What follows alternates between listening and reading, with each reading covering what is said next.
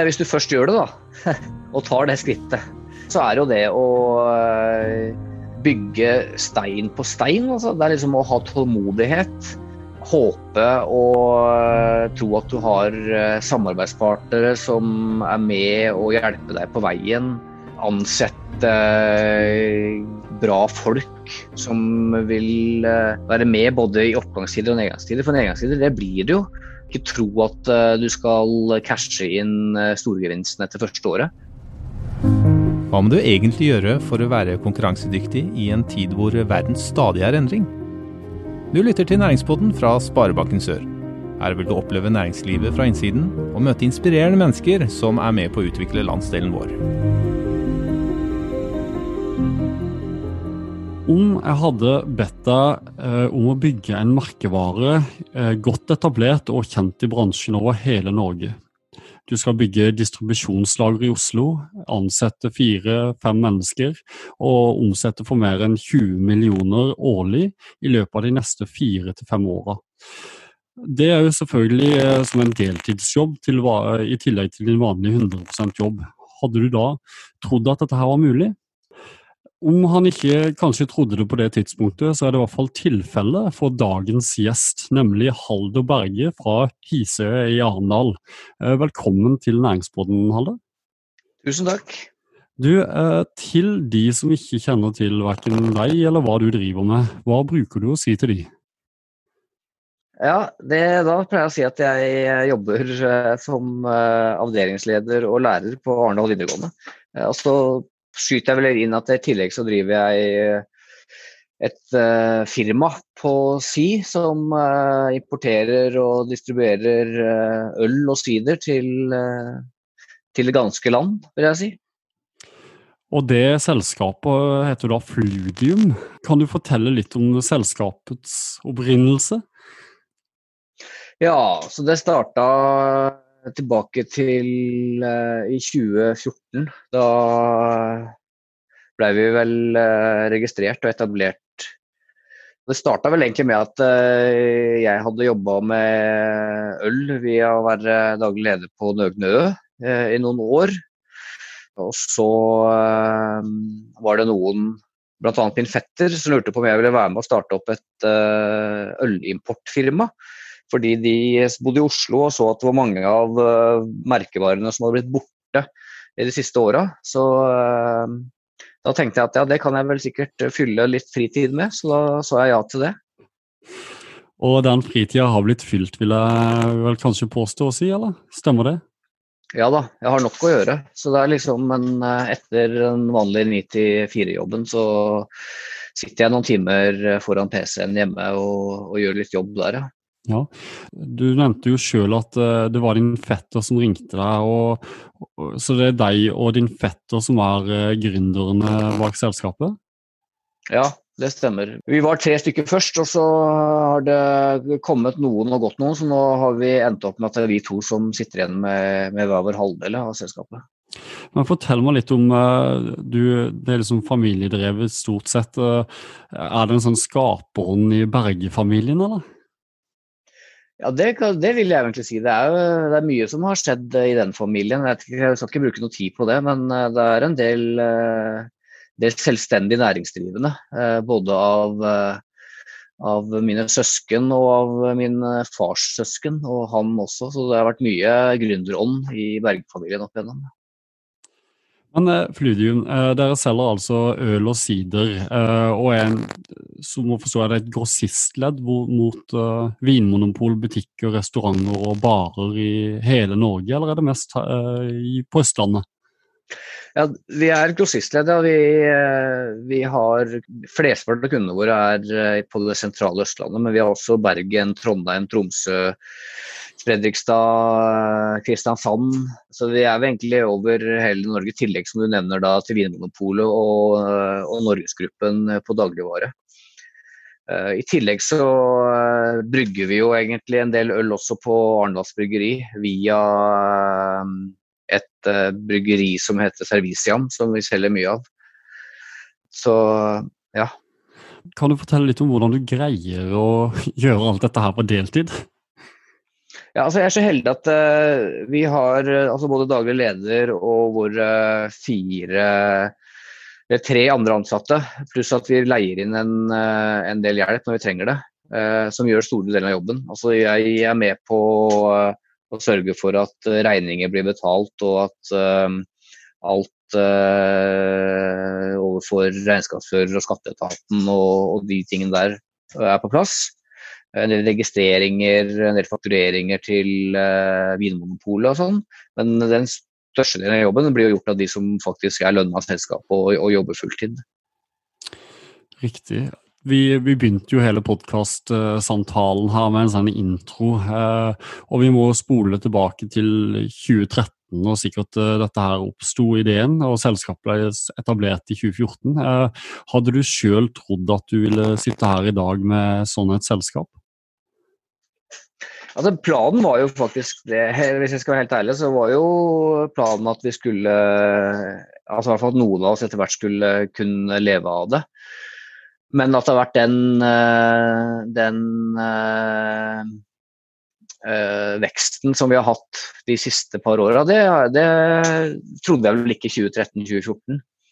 Så det har jo vært et, en bra vekst, i hvert fall i 2019. Kan du ikke fortelle litt om veksten dere opplevde første driftsår, for det leste jeg noe om? Altså det, vi starta, vi starta opp i, eh, på sommeren i 2014. Og klart Det første driftsåret vårt eh, var det ikke så mye skryt av. Så når vi var i gang eh, med et helt år fra 2015, så har vi, har vi nok hatt en, eh, en, bra økning og en bra vekst. Ja. Og vi begynte jo ikke an, altså, vi jobba jo som en, en hobby egentlig fram til 2017-2018, før vi begynte å, å, ta ut noen lønn. Eller før, før vi begynte å lønne noen da, til, å, til, å, drive selskapet. Men veksten har jo kommet, altså den har jo kommet fordi at uh, vi har fokusert på kvalitet hele veien. Og, uh, og vi uh, er nok kanskje aleine om å ha kjølelager på øl. vi tar inn veldig mye nyheter Eh, hele tiden. Vi henter øl fra USA, Belgia, mye fra Storbritannia. Vi tar inn rariteter fra Polen og fra, fra um, baltiske lander. Så klart vi, vi, fornyer oss hele tiden, så mye av suksessen har vært at, at våre kunder vet at tar de kontakt med oss, så vet de at de både får ferskt øl, og de får nytt øl, og de får spennende øl som kundene vil ha. Fortell meg litt om det der kjørende lageret du snakka om. Hva er det? Nei, kjølelager. Kjølelager? Okay. Yes. Men uh, det er for så vidt ikke så dumt å si kjørende lager heller. For altså, våre varer det er jo, de kjøres på kjølebiler gjennom Europa. Uh, inn på et kjølelager på Furuset i Oslo, og derifra så blir det distribuert da, uh, til, til hele landet. Men det å ha et kjølelager på øl, det er veldig veldig viktig. For at øl er et ferskvare. Og, og, mye av dette her altså, Ting forringes når det blir varmt. Så det er en grunn til at folk har øl kaldt, for å si det sånn. Fortell meg litt om den konkurransesituasjonen. Er det konkurrenter i dette markedet for deres del, eller er, det, er dere alene om markedet? Nei, det er masse konkurrenter. Vi konkurrerer både med store bryggerier i Norge, og vi konkurrerer med andre importører og andre grossister. Så det er ikke noe sånn easy going her. Vi må, vi må banke på dører og, og, stå på og selge. Så det går ikke av seg sjøl. Er det, er det, ting, eh, når du eh, ser tilbake på det dere har gjort, da det, eh, har det vært utfordringer på veien? Kan du fortelle litt om det? Ja, altså det er klart Utfordringen har vel vært i en sånn bransje som vi er, der vi er veldig eh, sårbare på f.eks. valutasvingninger. Når vi starta å importere øl fra USA i 2014, så var vel dollaren på sånn mellom fem og seks kroner. Og vi har jo egentlig ikke økt prisene våre veldig betydelig siden det.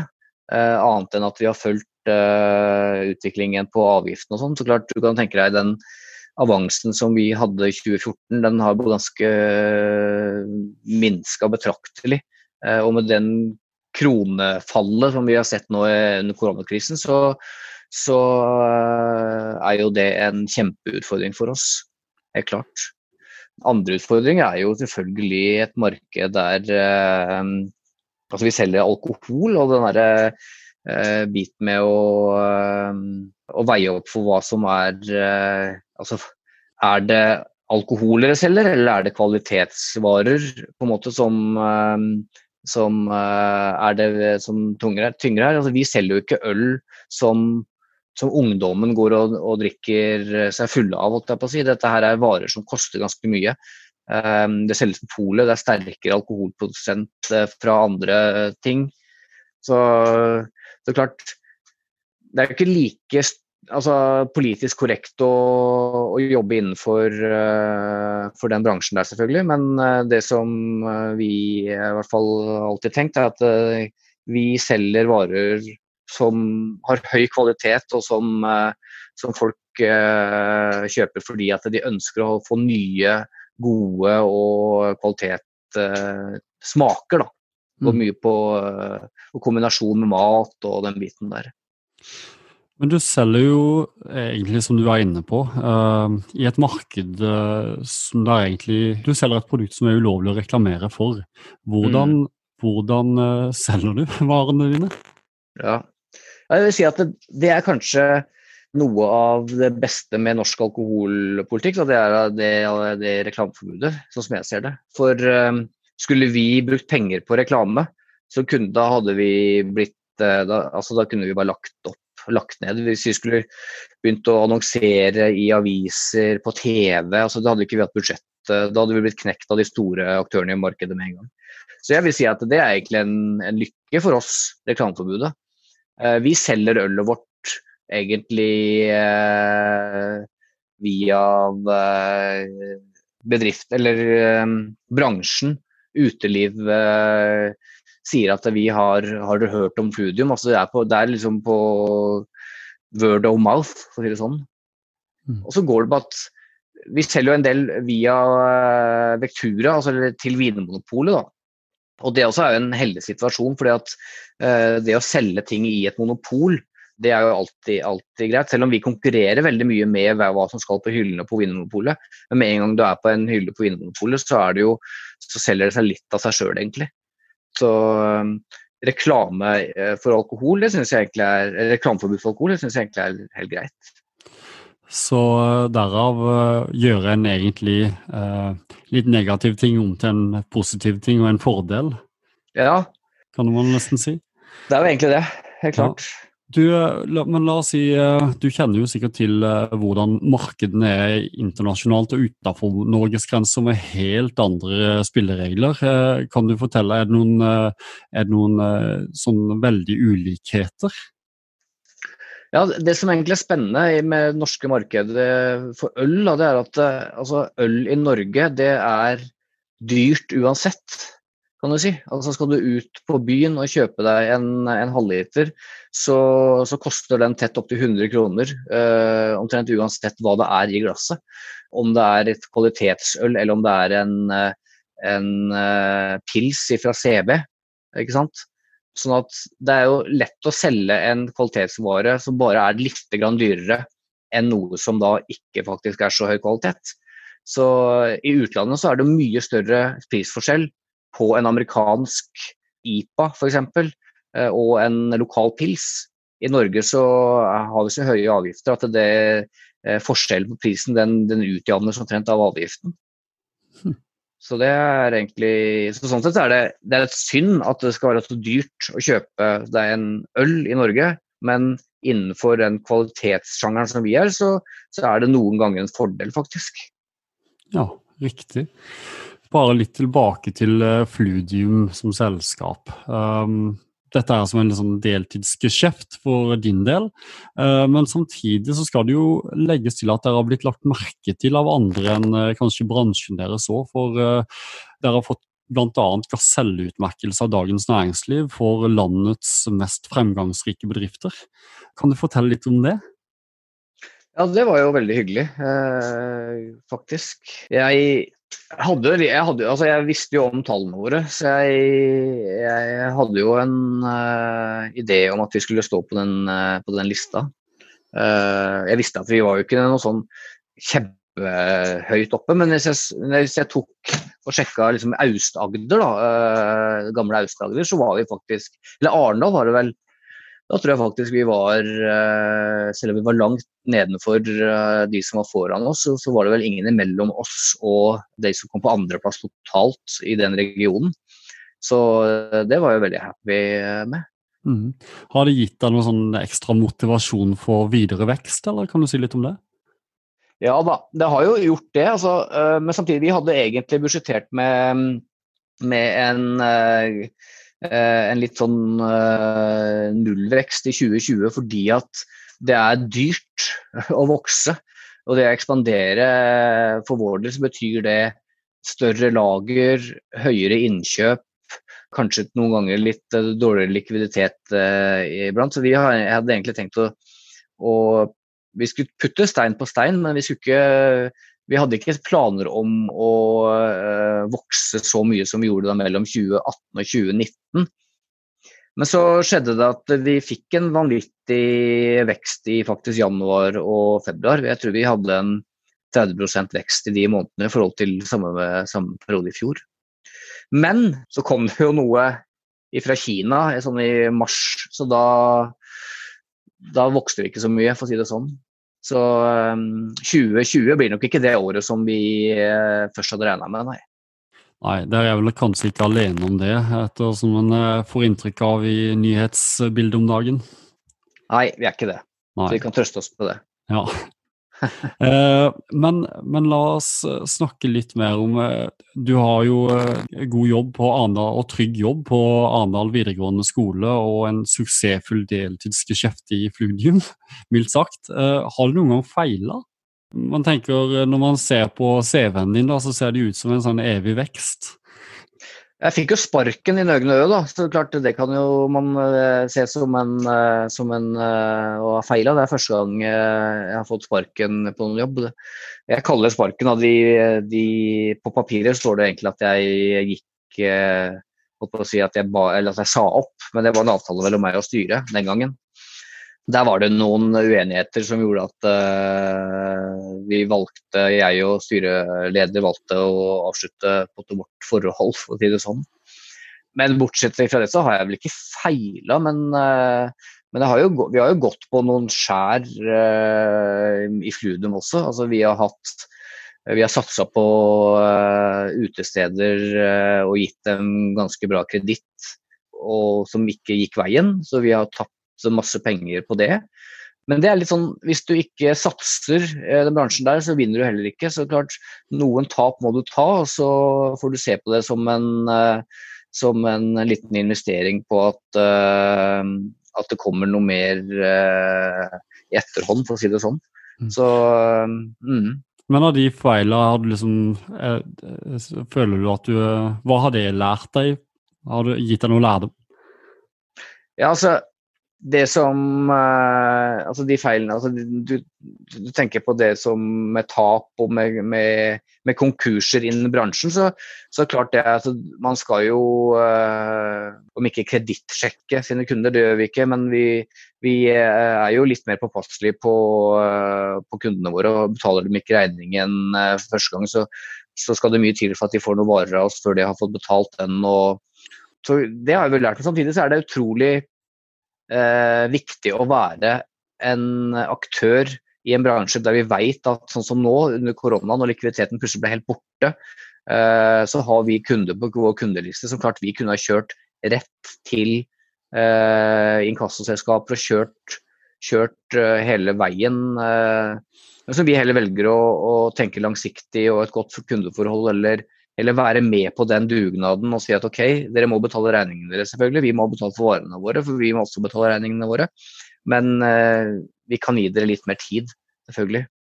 Så det, det tror jeg er Så det har vi også fått tilbake ved at våre eh, kreditorer også har vært, har vært eh, snille med oss da, i denne krisetida. Mm. Men eh, jeg vil tro at mange av våre lyttere Halder, ser på, eh, ser på din reise med inspirerende øyne. Um, og la oss si at noen av lytterne her eh, føler seg inspirert og velger å gå sin egen, tenker å gå sin egen entreprenørielle reise. Har du, har du noen tips til dem? Ja, det er vel alltid sånn Jeg husker at jeg har, jeg husker jeg, Det spørsmålet kommer jo opp ganske mange ganger. Og da pleier alle som har starta opp noe, de pleier å si sånn at det, det, du ikke må gjøre, det er jo egentlig bare starte opp. Du må egentlig bare holde på den jobben du har og ha det godt og trygt. Men uh, hvis du først gjør det, da, og tar det skrittet, så, så er jo det å bygge stein på stein. Altså. Det er liksom å ha tålmodighet. Håpe og eh, tro at du har eh, samarbeidspartnere som er med og hjelper deg på veien. Ansette eh, bra folk som vil være med både i oppgangstider og nedgangstider. For nedgangstider, det blir det jo. Så, og ikke tro at du skal cashe inn storgevinsten etter første året. For det tar Vi har holdt på nå i, eh, i seks år. Og klart vi har hatt en kjempeomsetning eh, siste, men, eh, men, vi bygger fremdeles stein på stein. Og er, eh, vi har en lang vei å gå eh, ennå, helt klart. Mm. Men hvis du sjøl kunne ha gått tilbake og gitt deg sjøl et tips eh, til du begynte å starte på denne reisen her, hva hadde du sagt til deg sjøl da?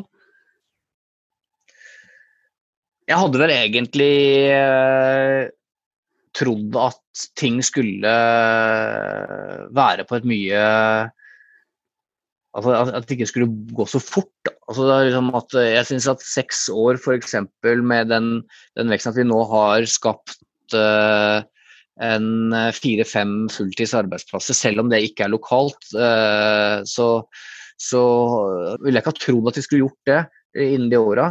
Men jeg, det å gi noen tips til seg sjøl sånn, jeg tror nesten er, er umulig. Det er mer sånn at man lærer altså learning by doing her. altså Hvis vi skal begynne å trekke inn litt sånn pedagogikk oppi det hele også. for at eh, det å bruke masse tid på å lage masse budsjetter og planer og, og greier, det har i hvert fall vi lært at altså, det er ikke så altså, Det er litt bortkasta tid, egentlig. Man må heller være, være flink Eh, og eh, edruelig eh, med å bruke kostnader og, og tenke at du, penga må inn før, du, før, noe går ut. Og igjen det bygge stein på stein, altså ta ett skritt av gangen. Og, så er det sånn at hvis det skjærer seg, så er det mulig å ta faktisk et par skritt tilbake også.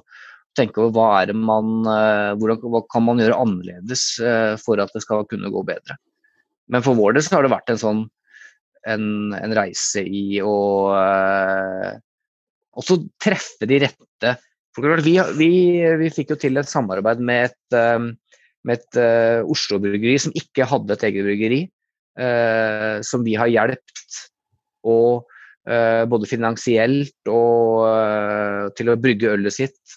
og fått et kjempegod arbeid, nei, samarbeidspartner med, med Arendals Bryggeri f.eks. Altså, vi har vært heldige, vi har truffet de rette folka, men vi har også stolt på de rette folka. Uh, og har tillit til de rette folka, uh, som vi da har vunnet på ettertid. Så det er det å trua på, trua på folk. Har du noen tips til hvordan finne de rette folk? For det er jo ikke alltid kjempeenkelt. Er det magefølelse, eller er det andre ting som spiller inn? Det er magefølelsen, men brang... Altså, klart, eh, i, i, vår altså de, Vi som har holdt på med dette her nå eh, en stund, altså både alle våre ansatte, altså selgerne våre, eh, de som jobber på lageret, vår daglige leder, alle har bransjeerfaring. altså det er De veit hva som skjer bak en bardisk, for å si det sånn. Jeg har troa på det at man kan, man kan lære opp gode selgere uten at de har så mye kanskje bransjeerfaring. Men hvis du har bransjeerfaring og produkterfaring i tillegg, så, så gjør ting eh, lettere. Å kjenne og vite liksom, hva er det som eh, skjer, skjer eh, i morgen. Hva er det folk vil ha eh, neste uke, og være litt eh, frampå der. Og da er vi heldige, da har vi fått med oss rette folka. Og så vi, har vi litt sånn der eh, bondeblod i oss, vi som driver det. Uh, vi er jo egentlig noen bønder fra Valdres, begge to, som uh, tør å ta et ekstra tak når det trengs. Uh, og ikke legge seg nedpå og tro at ting skal ordne seg hvis du ikke ordner det sjøl. Mm. Så bra. Du, vi var, eh, vi var, jo innom det at eh, ok, at man har feila og sånne ting, og det hører jo med en del av en, en, historie og en karriere. Men la oss snu helt på det. Hva er du mest stolt av å ha fått til? Det tror jeg faktisk er å, er å skape arbeidsplasser. Altså faktisk. Ifra fra ingenting, egentlig. Eh, at vi har eh, faktisk fem stykker som, som lever av å jobbe med Fludium.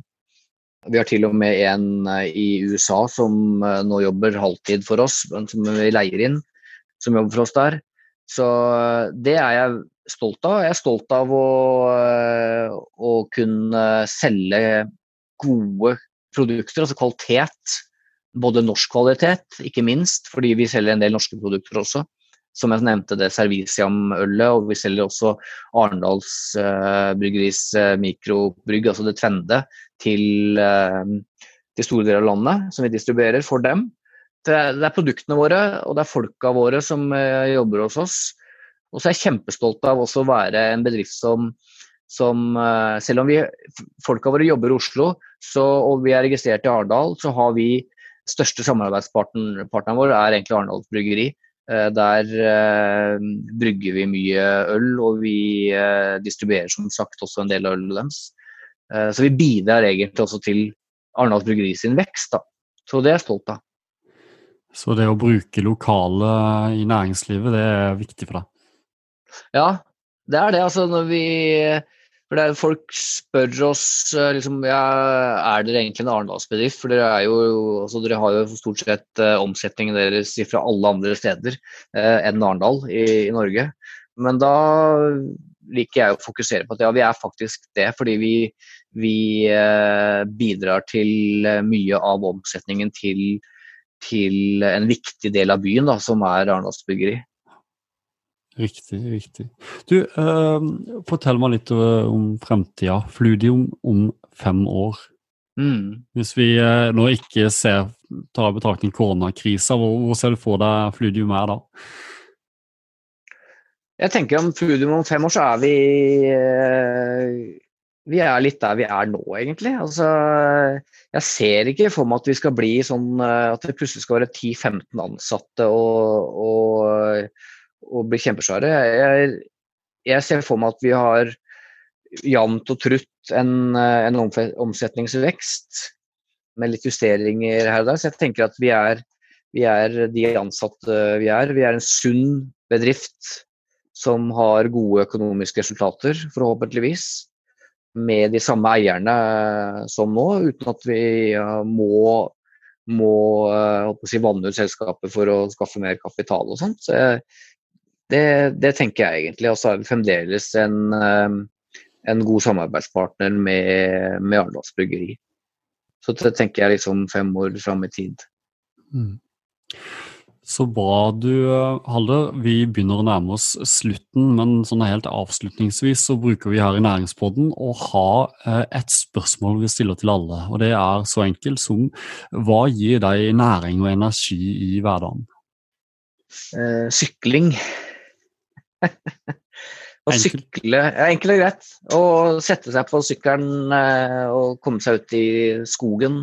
I Åsbyrskogen eller i tungvekteren i Virkenlund eh, eller på Hisøya. Og sykle en par timer eh, rundt og droppe ned fra noen fjell og hoppe over noen bekker og ha det veldig, veldig gøy med gode kompiser. Det gir meg all den energien jeg trenger til å gjøre alt jeg gjør i hverdagen. Så bra.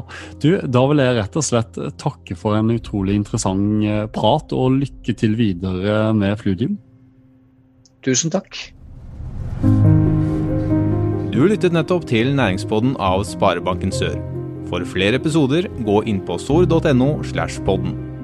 Her kan du gi ris eller ros, samt tips til andre næringsdrivende vi bør intervjue.